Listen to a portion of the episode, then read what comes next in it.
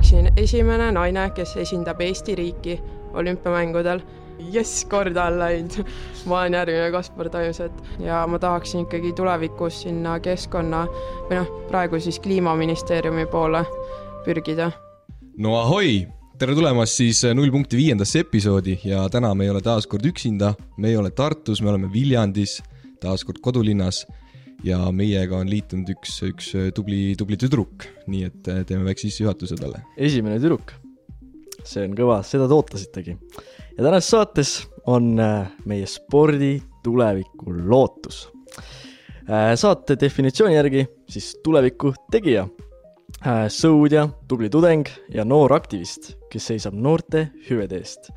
ja tere tulemast saatesse, Doris Meinbeck. tere, tere väga tore on olla siin. oled, oled esimest korda podcast'is või? olen esimest korda podcast'is, teist korda niimoodi filmiga. mis emotsioonid on uh,? huvitav, pingeline. hirmus. ma loodan, et midagi rumalat ei ütle kohe välja, et suudan ennast tagasi ikkagi hoida ja. no ma arvan, et me alustame selliste teemadega, mis äh, ikkagi on sulle väga lihtsad vastata. et äh, nagu sai mainitud, siis tulevikulootus spordis, eks ole ja mis sporti teed? olen sõudja äh, ja olen juba tegelenud sellega siis seitse aastat. alustasin kaks tuhat kuusteist ja olen tänaseni püsinud iga aastaga järjest rohkemat tahtnud saavutada. ja olen teel tähtede poole enda peas. ja loodetavasti ka siis päriselt. ja kui vanalt siis sõudmisega alustasid? Kaks tuhat kuusteist, äkki ma olin üksteist siis või? praegu olen üheksateist, saan kakskümmend kohe mm. -hmm. ja. ja nii on sõudmine oli siis selline esimene valik kohe või olid mingid muud asjad ka valikus äh,? ma olin kõigepealt kolm aastat tegelikult ujuja, aga mm. ujumine, ma kuidagi nägin, et seal ei ole seda arengukohta või edasiminekut. millegipärast ma ikkagi nagu tahtsin minna järjest kõrgemale, mitte jääda selle samale, samale levelile mängima ja ujuma ja tänu sõbrannale siis tema käis sõudmises, ütles, et davai, tule ka. mõtlesin, et noh, ma lähen siis proovin. ja sügisel läksingi esimest korda septembris proovima, et mis asi see sõudmine on siis. kuidas sa nii noorelt aru said, et, et ujumises nagu, ujumine ei ole sinu, sinu koht, et sõudmine tundus perspektiivikam, et kuidas sa aru said sellest? ausalt öeldes ma ise ka ei saa aru, no kui sa mõtled, et üheteistaastane noor, no käib põhikoolis nagu mis tal nagu sellel hetkel veel on elust oodata, eks ju, elult oodata. ja ma ise ka imestan, et ma tegin nii targa otsuse ja ma olen väga tänulik iseendale, aga võib-olla oligi see, et ma olen proovinud kuidagi olla vanem, et eh, kui ma olen üksteist, siis ma olen proovinud olla nagu sellest vanusest vanem ja saada aru paremini.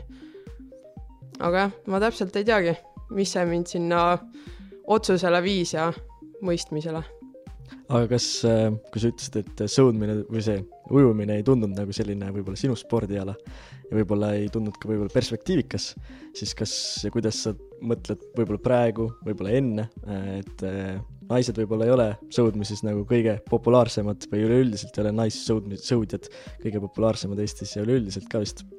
et äh, kuidas sa selle peale vaatad, et kas on perspektiivi ja kuidas enda perspektiiviga nagu see seotud on mm,?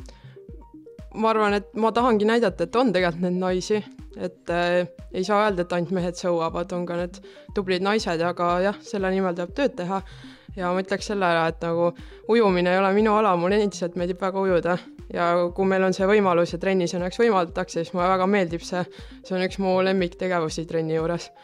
aga jah, nagu sa peadki ise lihtsalt tooma need rauad tulest välja, hakkama näitama midagi ja tõestama et see ongi juba praegu see üks motiv-, motiveerivatest asjadest, mis äh, käsib jätkata, et sa ei tohi lõpetada, sa pead näitama, mida me suudame tegelikult naistena.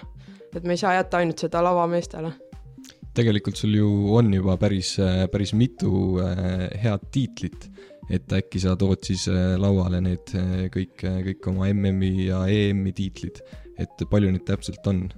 mul on kolm maailmameistritiitlit, üks Euroopa meistritiitel, kakskümmend kaheksa Eesti meistritiitlit, äh, ma ei tea, kaks äh, Balti meistrivõistluste tiitlit, mm, kaks, ei, üks Leedu meistritiitel. ja no, neid seal lautasust on veel igast palju erinevaid, aga need on nagu sellised kõige uhkemad võib-olla. kas, kui sa oled nagu noorena nii-nii palju võitnud, siis eh, kas on mingi nagu selline kuidas ütlen, rahulolu ka tekkinud või, või pigem ikkagi edasi, edasi liikuda, edasi liikuda, et ei ole sellist tunnet, et oo oh,, ma tegelikult olen ju suht kõva vend, et keda ikka kuulata enam äh,? ei ole ausalt öeldes seda väga tekkinud, mul on see janu ikkagi veel sees, et ma tahan palju rohkemat saavutada, no ikkagi see tipp on ju olümpiamängud, kellel ei oleks juba sellisel tasemel treenides. et äh, kuulamise koha pealt ei ole tulnud seda, treener on ikkagi minu jaoks väga auväärt inimene, keda ma pean kuulama, kui ma tahan kuhugile jõuda. millal järgmine mm on, kus sa siis äh, võitma lähed? Äh, nüüd äh, veebruari lõpus on selline kombinatsioon, et EM ja MM on koos Tšehhis, Prahas ja seal ikkagi kavatsen mõlemad võita. ehk siis tulla nelja meistritiitliga koju, kui on võimalik. vahepeal need eh, sisesõudevõistlused, eks ole, nüüd on sisesõudevõistlused, eks mm, -hmm. et äh, toimuvad äh, nagu hübriidvõistlusena, et äh, pool virtuaalselt, pool kohapeal, et äh, räägi, kas viimased võistlused oled kohapeal võistelnud, oled virtuaalselt võiste, võistelnud ja mis plaan nüüd tuleval võistlusel on? Äh, tuleval võistlusel lähme koha peale kindlasti. Äh, eelmine aasta siis, äh, kuna mm oli Kanadas, selleks on, oleks ka vaja rohkem olnud seda kapitali, mida ei olnud tol hetkel.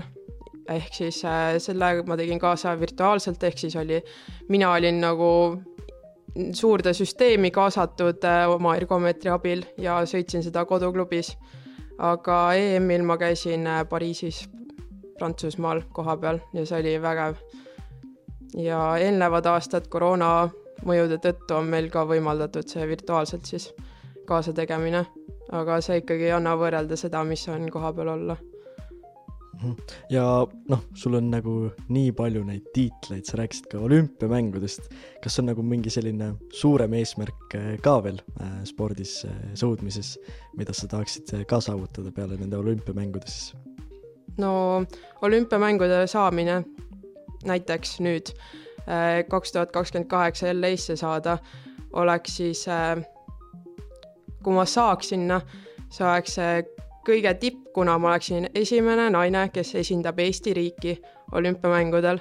see oleks nagu, ma arvan. sõudmises? jah, sõudmises, vabandust. Äh, see oleks nagu see kõige-kõige tipp siis kuna ikkagi ma olen esimene, nagu ka siin, eks ju, ma hakkasingi mõtlema, et huvitav, ma olen esimene naine siin, et kas see nagu võiks tuua mulle mingit õnne ka kaasa, et äkki siis olümpiamängud ka, ma olen esimene naine, kes läheb. aga veel sellest midagi, no kindlasti need MM-i, MK-sarjad, EM-id, kõik need võidud toovad seda rahulolu minusse, et äh, ma ei tea, minu jaoks ikkagi see olümpiamängud on nagu see kõige-kõige tipp. Aga nüüd oleneb, mitu korda sinna saada, et kas see ükskord rahuldab. Ja sa rääkisid sellest äh, sponsoritest või noh, kapitali asjast ka, et kas, äh, kas oled rohkem nagu ise sponsoreerinud äh, koos vanematega tõenäoliselt või, või kas on nagu mõni sponsor nagu lisaks ka tulnud võib-olla peale nende MM-tiitlite võitmist või, või kuidas sellega on? sponsoritega on ikkagi väga raske, et põhisponsorid on mu vanemad ma olen ülimalt tänulik neile, et nad on seda elu mulle siiani võimaldanud ja loodetavasti ka võimaldavad veel edasi. aga nüüd paar aastat tagasi ma leidsin võimaluse, et on äh, Viljandi linnalt võimalik saada spordistipendiumeid ja nad siis eelistavadki seda välismaa kogemust. et äh, nemad õnneks toetavad ja siis Eesti Kultuurkapitalist on ka ikkagi võimalik toetust saada, et päris nagu kõike ei pea oma taskust maksma, aga ikkagi raske on, et neid päris, päris sponsoreid nüüd leida. et ma olen küll kirjutanud ja otsinud, aga ikkagi on raske. Sa oled Viljandis äh, üle, Vilja-, Viljandis sündinud ja üles kasvanud, et äh, kas äh, treenid praegu Viljandis või, või kuidas, kus, kus sa treenid praegu? kuna ma käin Tartu Ülikoolis, siis ma peaksin nagu elama Tartus siis, kui ma pean koolis olema, siis ma treenin Tartus, aga nii kui on esimene võimalus, kool on läbi, ma tulen kohe Viljandisse, ehk siis nagu selleks tavaliselt avaneb võimalus reede lõunati, ehk siis ma olen reede õhtuks juba trennis siin Viljandis. Kuni siis äh, pühapäeva õhtuni, kui ma tagasi lähen Tartusse. aga hetkel meil oli kahe näd-, kahe poole nädalane vaheaeg, siis ma olen kogu aeg olnud siin Viljandis ja nüüd tuleb ka korra koolis käia, siis tuleb jälle vaheaeg, siis saab jälle Viljandis treenida, et ma ikkagi eelistan siin oma koduklubis ja oma trennikaaslaste juures, et ma ei tea, siin on kuidagi lihtsam ja parem ja toredam ja mulle Tartus üldse tegelikult ei meeldi. Kas asi on selles vibe'is ja feeling us või, või on asi lihtsalt äh, äh, nendes inimestes ja varustuses? Äh, kirjelda, kuidas see varustus Viljandis on võrreldes Tartu varustusega või treeningvahenditega?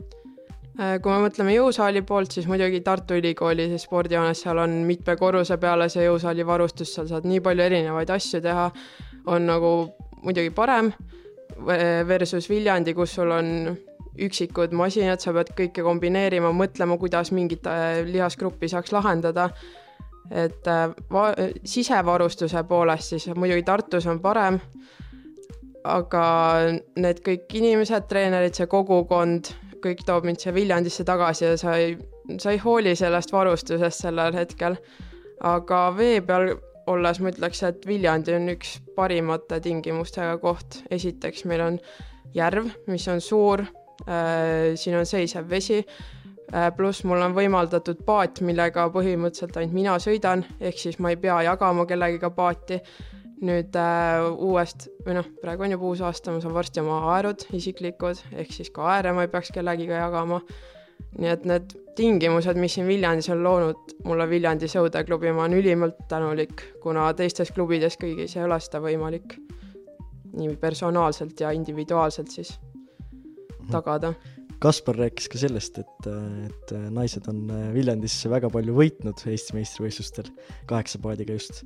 et kuidas sa üleüldiselt näed sellist äh, naiste pealetulekut äh, sõudmisesse, äh, tõenäoliselt siis Viljandis või siis ka Tartus, et või kogu... üle Eesti äkki üldse? jah, et kuidas see, kas sa tunneb, et tunned sa ise ka, et nagu kogu populaarsust või pigem on selline nii-öelda väike spordiala veel, ei ole nii, nii populaarne no kui ma praegu vaatan ikkagi neid stardiprotokolle, mis nüüd sisesõudevõistlustel on olnud, et ma ei tea, seal, mis see kõige noorem on meil, B-klass või?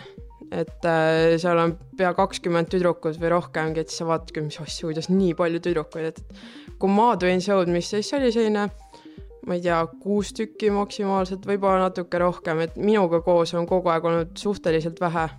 see aastakäik vist ei olnud kõige populaarsem sõudmisse tulekuks aga praegu ma ikkagi näen, et neid tüdrukuid tuleb peale, kuigi enda tulevik äh, mingis suuremas paadis on natukene äh, kurb. kuna jah, aastakäik on vist natuke vale olnud sõudmise jaoks.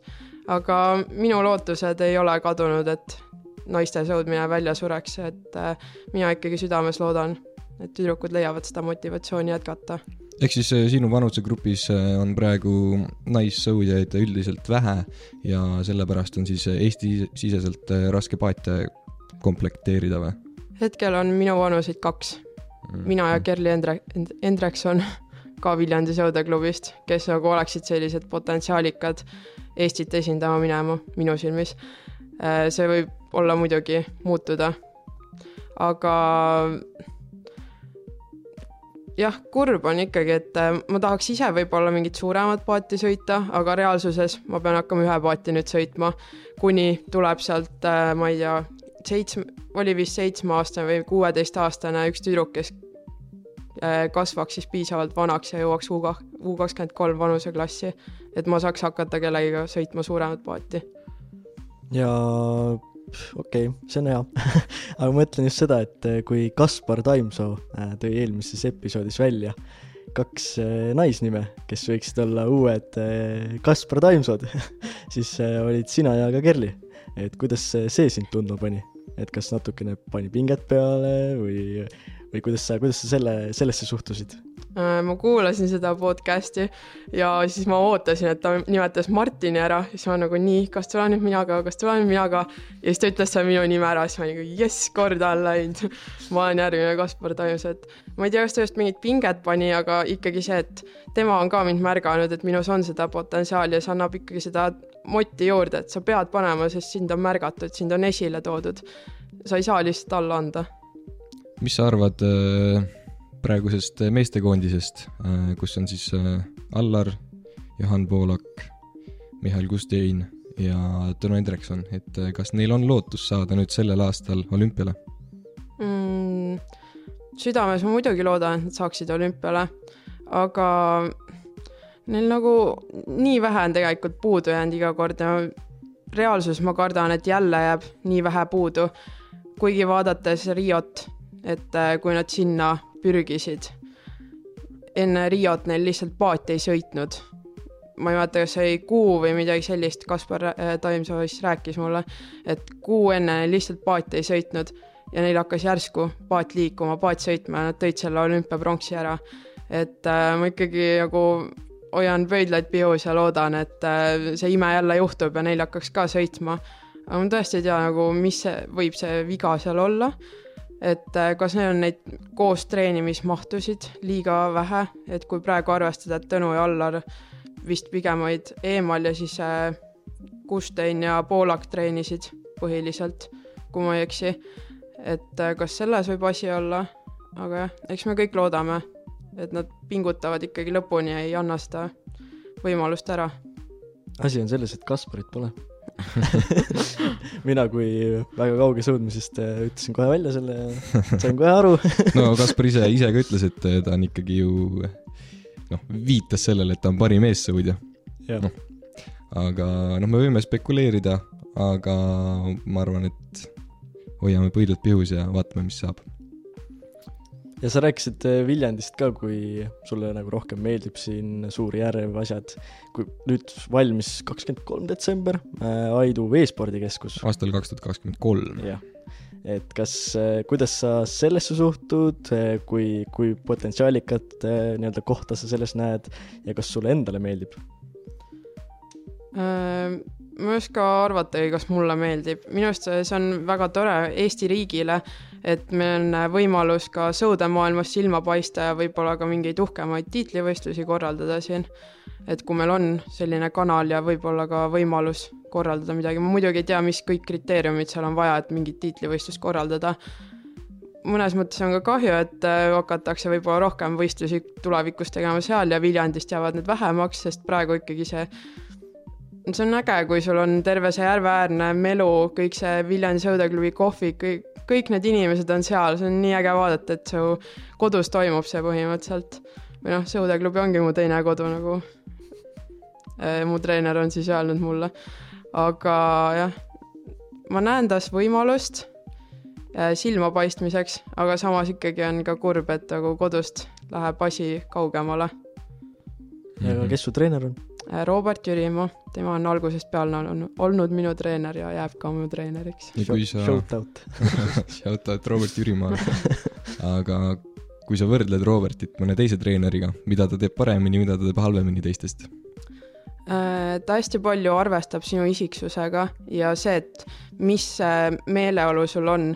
et kui sul ongi paha töö trennis, siis ta üritab seda rõõmsamaks äh, ajada või siis arvestab sellega, et ta ei hakka nokkima mingeid rumalaid nalju tegema või et veel su tuju halvemaks ajada, et ma tunnen, et võib-olla teised treenerid ei tegele selle vaimse poolega nii palju, aga Roberti puhul on küll, et kui sul on ikkagi ma ei tea, kurb tuju, siis ta tuleb, küsib, et milles on asi või milles on probleem ja räägime, eks ju, et saadki oma see mure välja rääkida, palju kergem hakkab ja palju toredam on ka kohe trennis, kui äh, mõelda sellele jamale, mis sul sees on terve trenn ja siis läheb trenn ka juba pekki, jah. kui tihti sul on halb tuju? ma olen suhteliselt ujukas, nagu need tujud täiesti niimoodi, et sa lähed trenni rõõmsa tujuga, astud trenni uksest sisse ja järsku tuleb halb tuju. ma ei tea, miks see niimoodi on.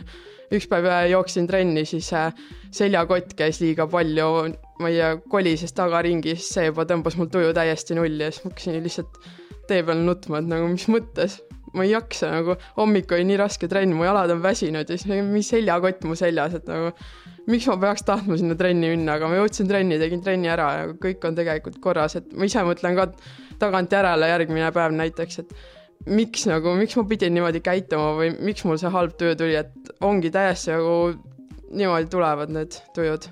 ma ei tea, millest need käivad.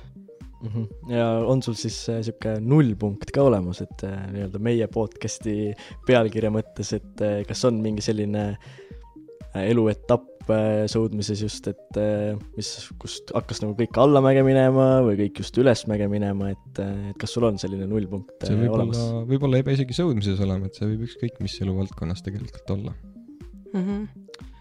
no sõudmise tasandil null punkt ehk siis see, kust võiks hakata see kaareke nagu tõusma tõusujoones, oligi see hetk, kus ma, kui ma tulin sõudmisesse ja Robert avastas, et minus on seda potentsiaali kuhugile jõuda ja ta pani mu võistlustele kirja, kuigi ma ise ütlesin, et ma ei taha. aga ta ei lubanud ära ka võtta, ütles, et pead kohal olema. aga päris eh, nagu või noh, igapäevaelus siis äh, äkki oli eelmine aasta, kus ma avastasin, et ma tahaks olla aktiivsem ühiskonnaliige ja midagi peale sõudmise ja oma tulemuste veel anda siia ühiskonda.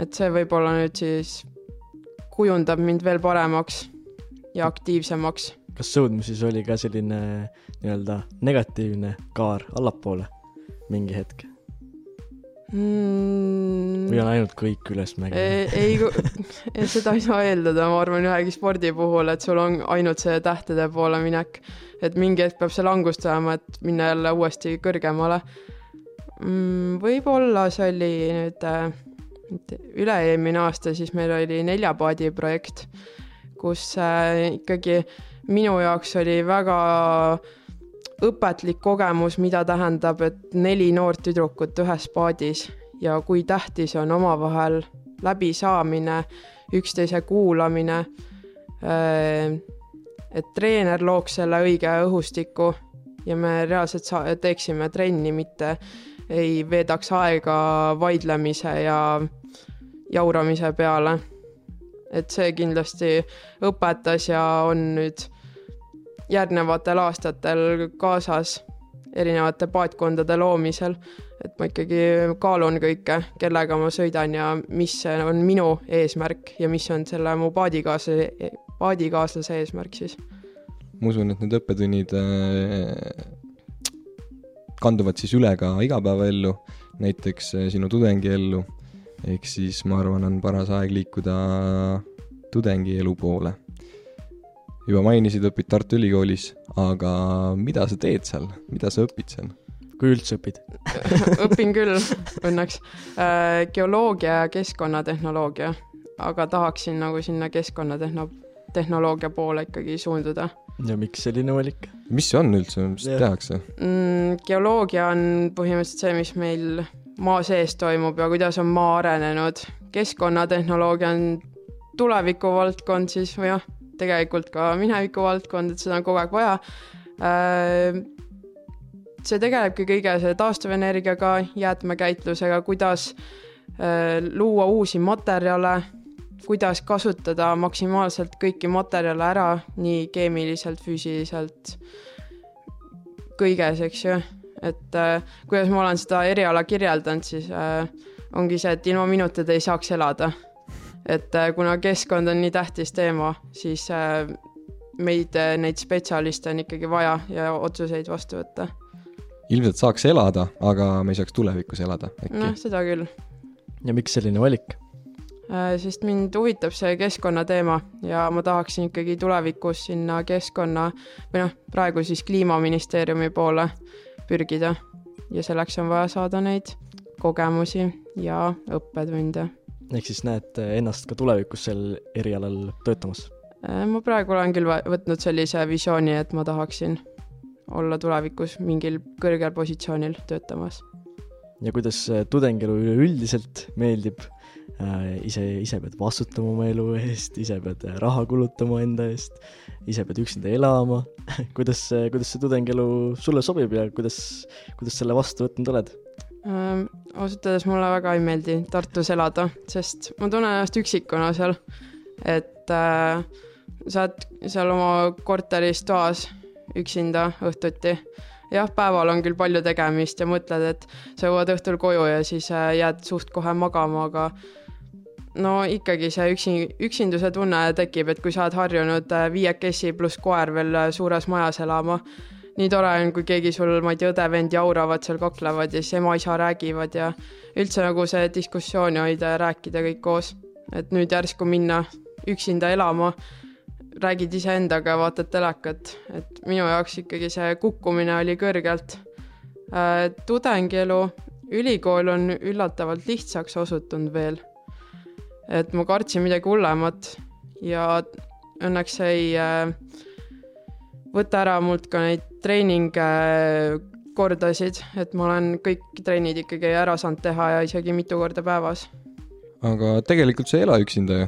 sul on ju äh, roommate, äh, ma saan aru, et te elate üürikorteris? jah, elame üürikorteris ja mul on küll sõbranna, aga teda nüüd nii palju ka seal kogu aeg ei ole. pane talle puid, pane talle puid ei, ma ei saa teist inimest piirata selle eest, et palun ole minuga korteris et see on juba teise inimese takistamine ja kinnihoidmine mm,. ehk siis enamus ajast teda ei ole, jah?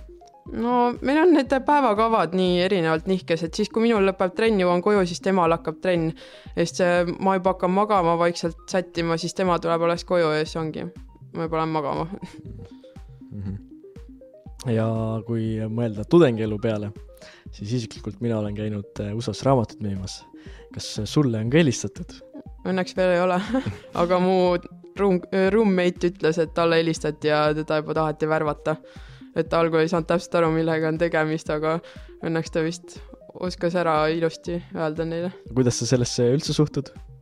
Äh, see on hea võimalus noortele jällegi maailma avastada, mingeid uusi kogemusi kaasa saada, taskuraha teenida mm,? keeleliselt kindlasti areneda, aga kuna ma olen sportlane, pean mõtlema nende treeningtingimuste peale, siis see ei ole asi minu jaoks.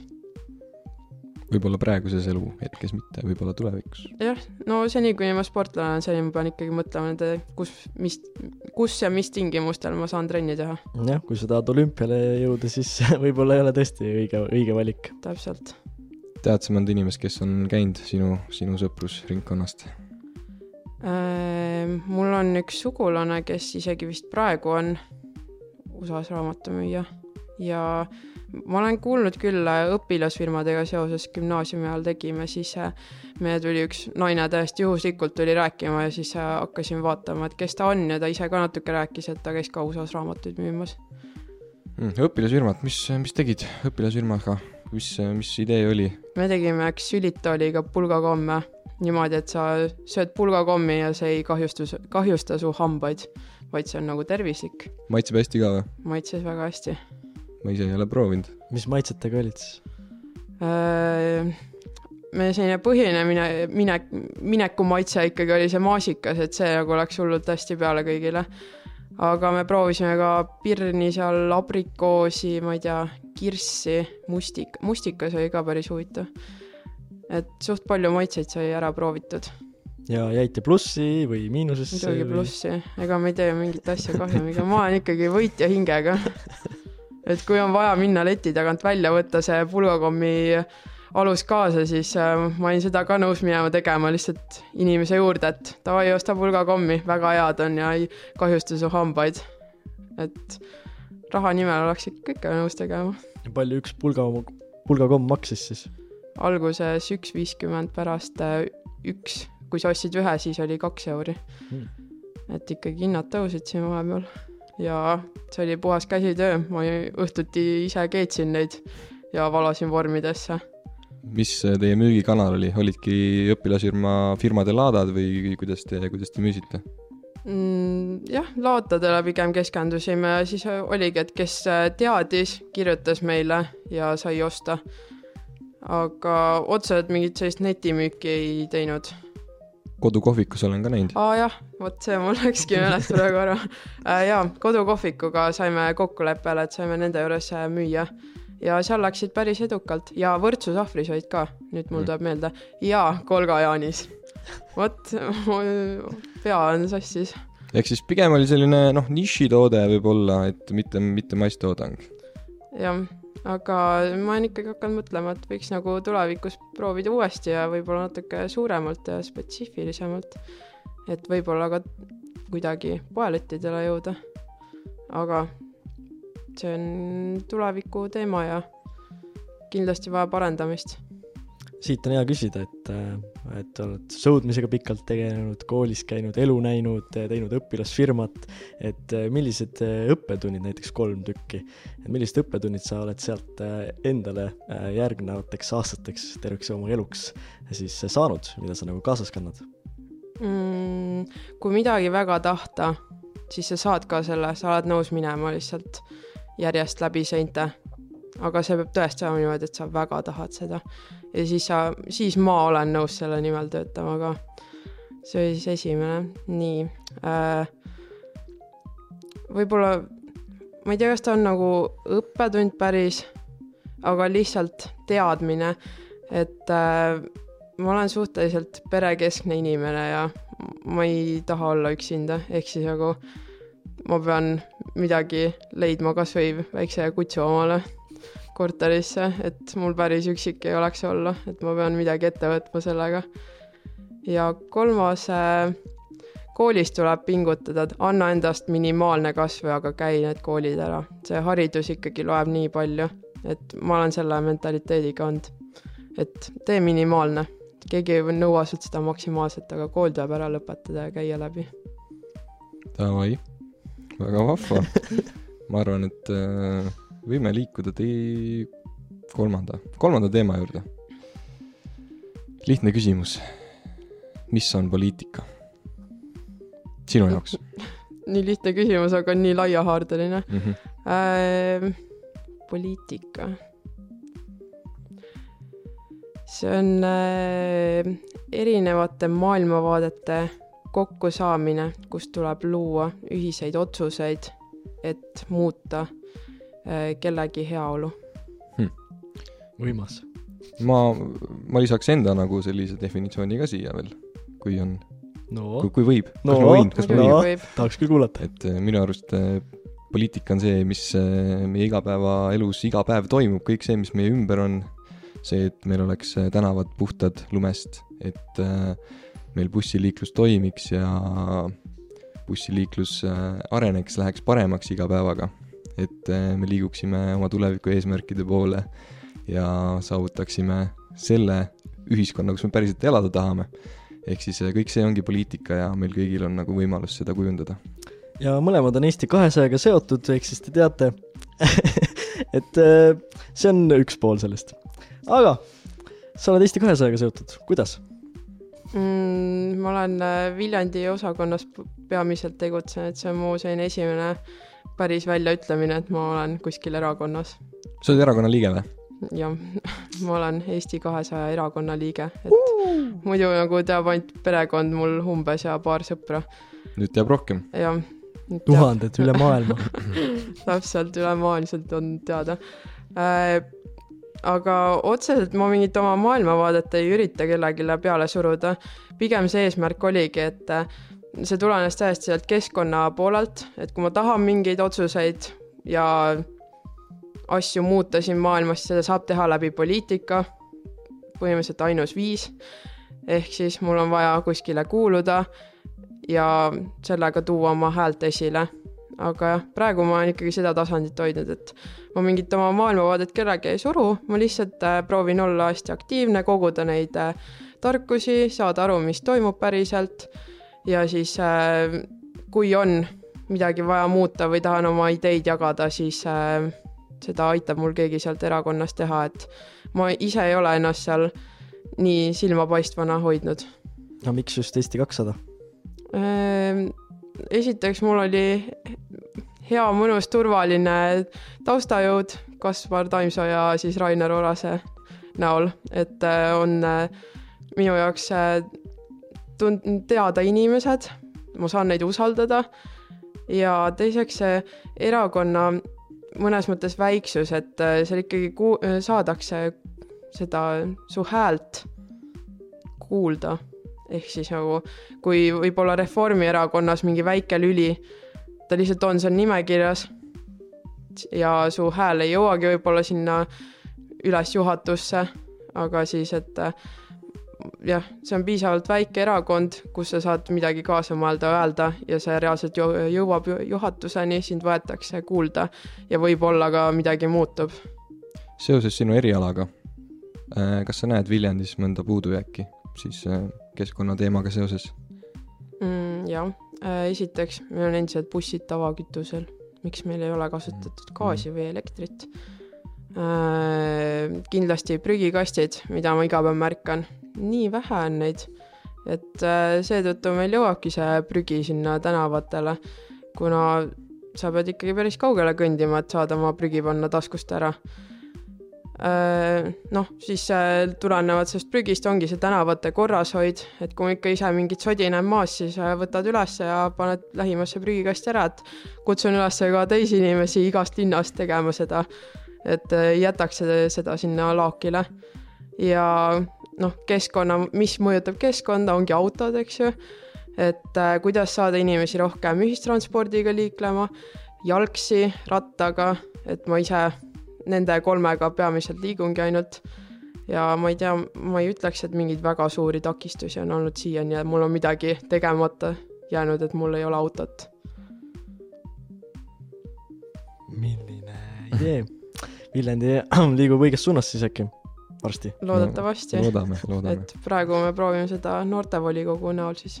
ehk siis äh, sa arendada. oled rohkem siis äh, Viljandi piirkonnas äh, oma häält, oma sõna maksma pannud? jaa, no praegu ongi, et kuna ma liitusin ka Tartu noortega, et lihtsalt kuulata, mis Tartus toimub, et kahe linna põhjal saadki tuua mingeid häid ideid Viljandisse, Viljandi näitel anda Tartusse mingeid näiteid, eks ju. et äh, ma arvan, et see kogemuste jagamine on väga oluline. miks, äh, miks peaks poliitikas rohkem noori üldse olema? esiteks tulevikus meil ei ole neid samu nägu, nägusid seal, kes on praegu. meil on vaja sinna tublisid, tarku noori ja mida varem nad alustavad, seda paremini nad saavad aru, mida päriselt on meil vaja. ja kuna meie noored elame tulevikus, siis ka me saame enda elu muuta paremaks selle võrra, kui me juba praegu osaleme poliitikas. et me ei hakka tegema seda seal kolmekümne aasta pärast, kui ma ei tea, meil on endal lapsed, et miks me ei võiks nagu praegu alustada ja teha omal seda elu kergemaks. ehk siis äh, sa kutsud kõiki aktiivseid äh, noori äh, kas või lihtsalt kuulama, mis toimub poliitüritustel vahet ei ole, mis erakonna omadel. Jaa, et need ei pea isegi olema erakonna omad, huvituge lihtsalt rohkem, mis toimub äh, Viljandi linna tasemel, mis äh, ma ei tea, mida riigi, okei okay,, Riigikogus, see on noorte jaoks suhteliselt naljanumber, olen ma aru saanud, kellega ma olen siin suhelnud, nende jaoks on naljakas vaadata, mis seal toimub. aga nagu ärge vaadake seda meediat nii palju, minge pigem süvitsi, saage aru, mis meil päriselt toimub, et jah, see on naljakas, mis seal meedias toimub. Ja minu arust see meedia rikubki nii palju seda noorte arusaama ära sellest poliitikast, et see ei ole tegelikult mingi pulli tegemine nagu kui sa lähed süvitsi selles, sellesse sisse, sa tahad rääkida ja teha midagi, siis sul on see võimalus. ja tegelikult tuleb neid tarku otsuseid väga palju. lihtsalt meil ongi vaja neid noori kuidagi nüüd saada päris äh, maailma, mitte sinna meediamaailma. kuidas seda teha? tuleb olla ise eeskujuks, öelda või jah, mis öelda, selgitada ära, kui on mingi äh, uudisartikkel, et miks seal niimoodi kirjutati, mis see päris taust on et äh, nad saaksid äh, hakata võrdlema oma peas, mis asi on see üks maailm, mis asi on see teine maailm. et äh, nad pigem ikkagi tuleks sinna päris maailma, siis mitte sinna meediamaailma, et ma ei ütle, et meedia ülihalb on. jah, see on vajalik ajastuskoht, ma ise tahaks ka meedias olla. et nii äge on vaadata, kui sa oled Sakalas seal spordirubriigis, suurelt on sinu pilt, eks ju. aga jah, et seal võiks olla rohkem seda tõelisust taga aga loetakse ju rohkem seda pulli ja seda natukene intriigi no.. et äh, eks, eks see selle, selle, see, see ongi see põhjus tegelikult, miks, äh, miks meedia, meedia sellist asja teeb ja mida, miks ta just seda kajastab.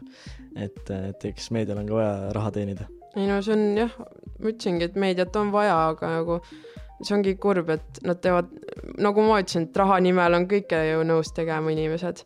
et meedia teeb ka seda ju raha nimel aga jah, mis see siis päris äh, maailm lõpuks jääb meile, et seda on kurb vaadata. võib-olla siis noored vaadaku rohkem ERR-i ja seal on väga ägedaid saateid, ma ise ka vaatan sealt. esimene stuudio.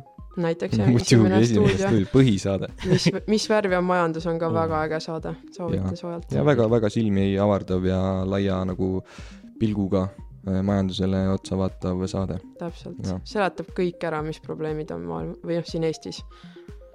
ise vaatan ka neid? Isegi kui ma poliitik ei ole. aga on ju tore tegelikult aru saada, mis meil toimub siin. no mitte see, et sa istud kodus ja mõtled, et oh, nii loll Eesti riik, et miks meil ei tehta üldse tarku otsuseid. olla targem äh, asjadest on ikkagi hea jah Jah., muidugi.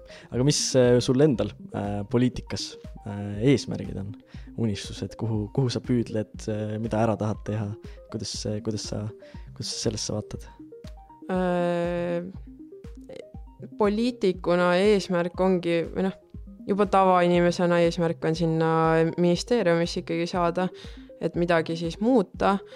Ja teemad olekski siis kas keskkond või äh, noored, et äh, nüüd viimasel ajal, kui ma alguses tulin ainult see keskkonnateema pärast poliitikasse, siis nüüd on ikkagi see noored ka selliseks südamelähedaseks teemaks tulnud, et äh, kuidas neid päriselt huvituma panna, et nad ei istuks kodus ja ei oleks laisad, vaid nad päriselt tee-, mõtleksid kaasa, tunneksid huvi ja jah, kuidas see kaasatus oleks suurem lihtsalt.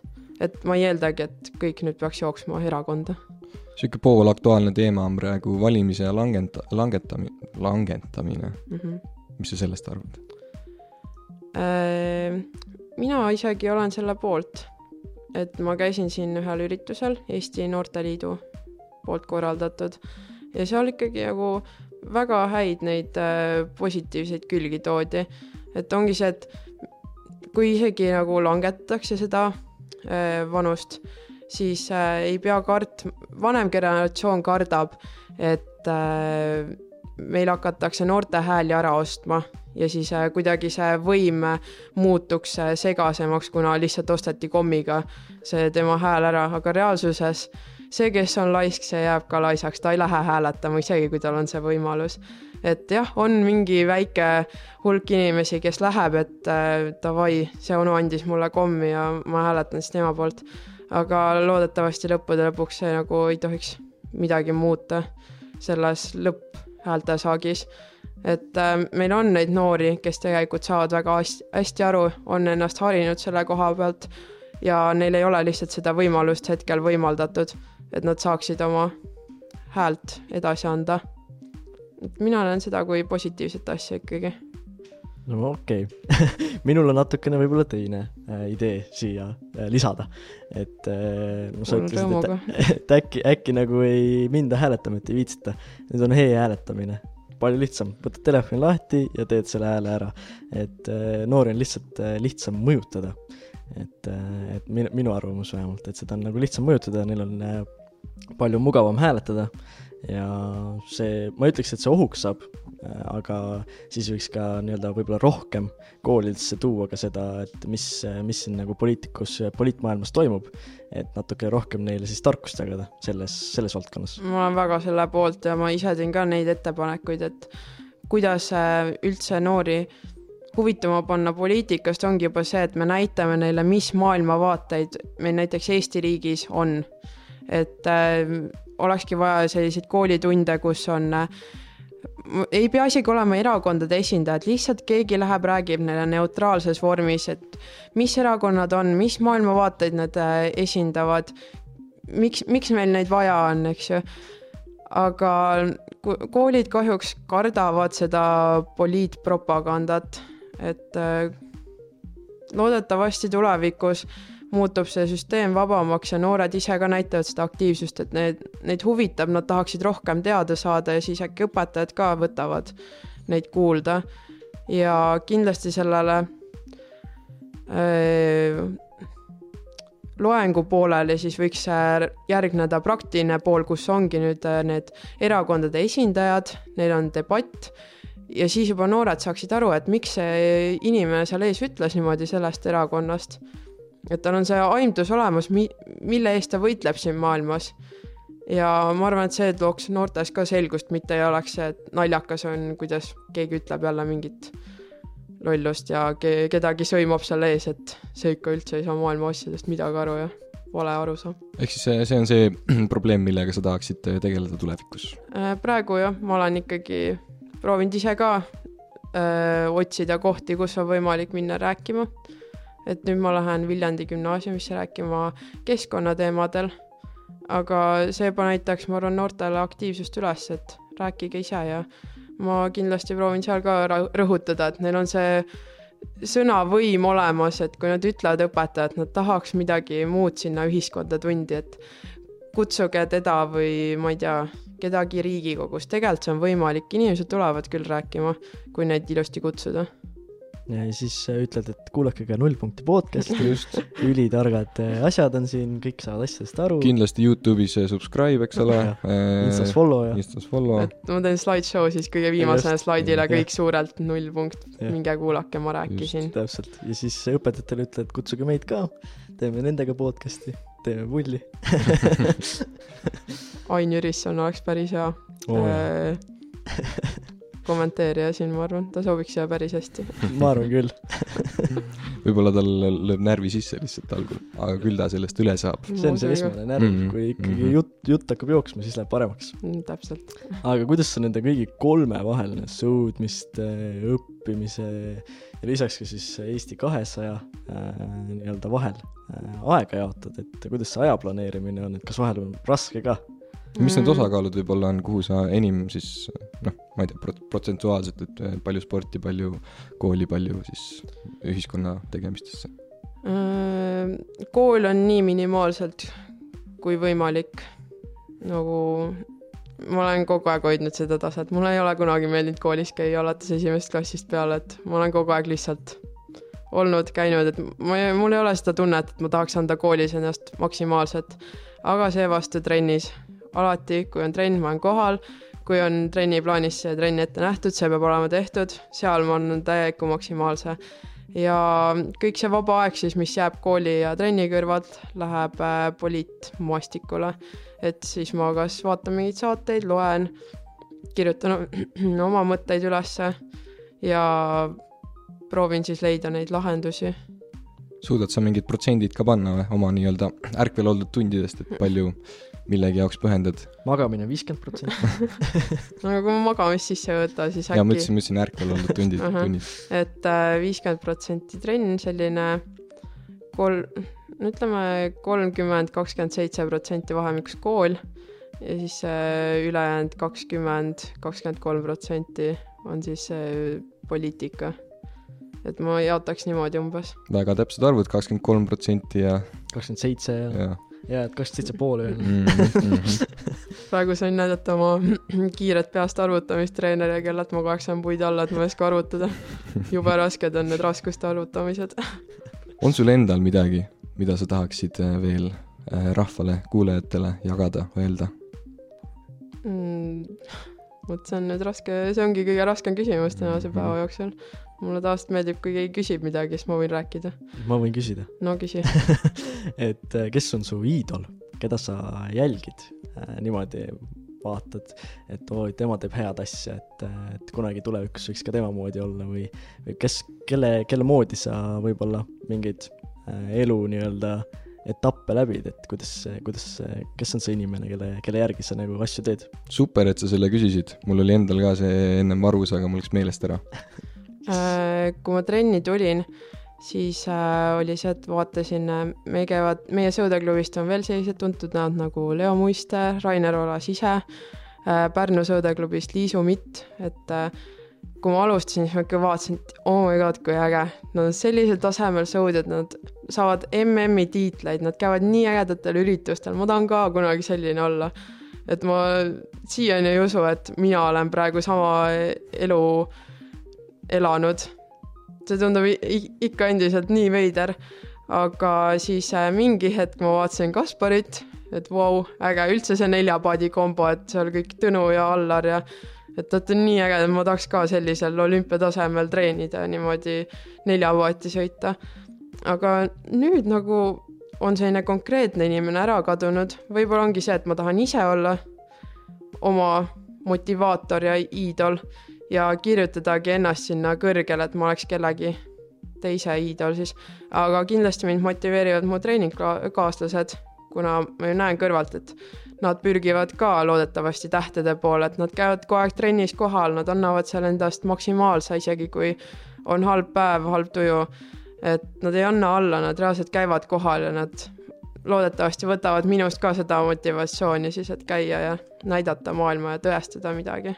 show'd inimesed teavad, aga teised ei tea ilmselt. Kaisa Pajusalu, tema, kas tema on ka su iidol, on, tead sa temast, palju sa tead temast?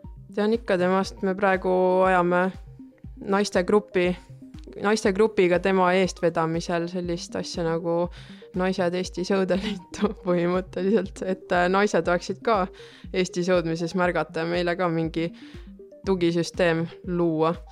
Äh, tean teda väga hästi ja kindlasti tahaksin ka ise olla sellel tasemel naissõudja, et me oleme suhteliselt sarnased nii välimuse poolest kui mu enda treener on öelnud, et nagu üldse kehaliste võimete poolest ja me sarnased, et tema on näinud neid sarnaseid jooni. et ma loodan ka siis samamoodi särada, aga võib-olla ikkagi ka kaugemale jõuda. kes siis ei tea, siis äh, Kaisa käes on äh, Eesti rekordid, kui sa just Toris ei ole neid üle teinud. Äh, eelmine aasta tegin U üheksateist kahe kilomeetri rekordi ära ma alles, alles vaatasin sinna tabelisse, et mis mõttes, kus mu aeg on, miks ma ei ole ikka esimene, esimeseks pandud, siis kirjutasin sinna tabeli haldaja, et kuulge, ma sõitsin ju üle, ma tahaks ikkagi esimene olla. mitme sekundiga sa võitsid mm,? temal oli minu arust kuus viiskümmend kaks koma seitse, siis minul on kuus viiskümmend kaks koma kaks ehk mhm. siis null koma viiega. nii et eh, sama pulga peal praegu, võrreldes siis neid vanuse vanuseaegu. tema, tema võistles muidugi juba, mis see on, mitu aastat tagasi, kaheksa, seit-, kuu, tea, minu jaoks tundub see nii alles, aga samas see on nii kaua, ammu juba. noh, tema on juba lõpetanud äh,, nagu öeldakse, veteran või? ta otsis endale jõusaali kaaslast, siis ta küsis mult, et kas ma ei tahaks temaga koos mm. jõusaalis käia.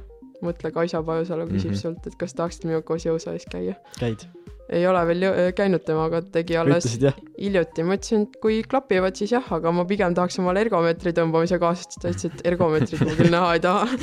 see oli veidikene kurb aga hakkame vaikselt otsa kokku tõmbama. viimased küsimused äh,. lisaks äh, noh, praegu sa mainisid kõik äh, spordiinimesed, kes on su eeskujuks, eeskuju, eeskujuks olnud, aga vaadates siis sinu perspektiiviga pürgida natuke poliitredelil, et kes võiks olla need äh, inimesed, kes sinu arust teevad nagu õiget asja äh, poliitmaastikul mm,? vot niimoodi ma ei olegi mõelnud, et kes võiks olla mu poliitmaastiku eeskujud. või siis lihtsalt üldine elu, elu jah, elumoto tüüp, kelle elu, elumoto klapib sinu omaga ausalt öeldes jube raske on öelda. jälle sportlased tulevad? ei, ma isegi ei ütleks, et sportlased tulevad, ma pigem nagu ütlekski, et ma olen täiesti oma rada ajanud, et ma ei tahagi olla otseselt kellegi moodi, ma tahangi olla ise see uus võimas inimene, kelle moodi tahetakse olla mm. -hmm. et öö, äh, otseselt ma kunagi ei olegi tahtnud olla keegi või noh, kellegi moodi, siis jah, mingid väiksed nüansid, et oh, tema teeb ägedast, ägedat asja, et ma olen nagu tema. aga lõppkokkuvõttes inimesena ma olen ikkagi tahtnud olla see ainult mina. et äh, mina oleks see uus eeskuju. see on väga hea, et sa seda ütlesid. kas äh,, kas sul on mingi tsitaat või enda elu moto näiteks äh,, mis mille järgi sa elad või mis, mis on su lemmik näiteks tsitaat kellegilt või üleüldiselt, mille järgi, mille järgi sa mingeid asju teed? Mm,? ei ole sellist tsitaati võtnud, pigem mul on endal võib-olla, et lihtsalt mine oma unistuste poole ja ära anna alla, et isegi nagu kui keegi paneb kätt ette, siis proovi minna sellest mööda ja läbi, läbi teda käsi. väga hea, et sul ei olnud ühtegi tsitaati. sellepärast, et meil on sulle väike kingitus, raamat Ela julgelt, mis on täis tsitaate mis võib-olla loodetavasti motiveerivad sind siis äh, iga päev, iga hommik, iga õhtu. iga tund, iga minut, iga sekund. näiteks äh, pingutama rohkem ja elama julgemalt wow.. mitte, et sa seda juba ei teeks, aga äh, loodetavasti see raamat toob äh, veel, veel, veel rohkem julgust siis äh, sinu igapäevaellu. teed endale ka reklaami aa, seal on see järjehoidja, mis Kaspar sai raamatu, esimese raamatu järjehoidja, siis äh, teine prototüüp täpselt samasugune nagu esimene äh, esimene naine, kes selle saab. just nii et äh, suur Oh. oh., suur selline tunnustus. suur aitäh teile, väga äge. jaa. nii et hoidke silmad ja kõrvad lahti, raamatu järjehoidjaid varsti hakkab lendama kahte lehte. siit ja sealt, iga nurga pealt. mul on praegu kolm raamatut, nii et pean vaatama, millise ma panen selle, no siis äkki varsti saad omale soetada paar tükki juurde. loodetavasti. aga kui sul, Doris, rohkem ei ole midagi öelda, siis ei ole. ei ole jah? tegelikult on ju. Youtube'is subscribe, seda kindlasti, Instas pange follow, jagage, share ige, kõike tehke, näidake vanavanematele, vanaisadele, igale inimesele, lastele. rääkige kõigile oma sõpradele, et äh, sinu vanused, nooremad, vanemad, peaaegu sama vanad, teevad ägedat asja, loodetavasti teile meeldis ja kohtume juba nädala pärast teisipäeval kell kaheksa. tšau, pakaa.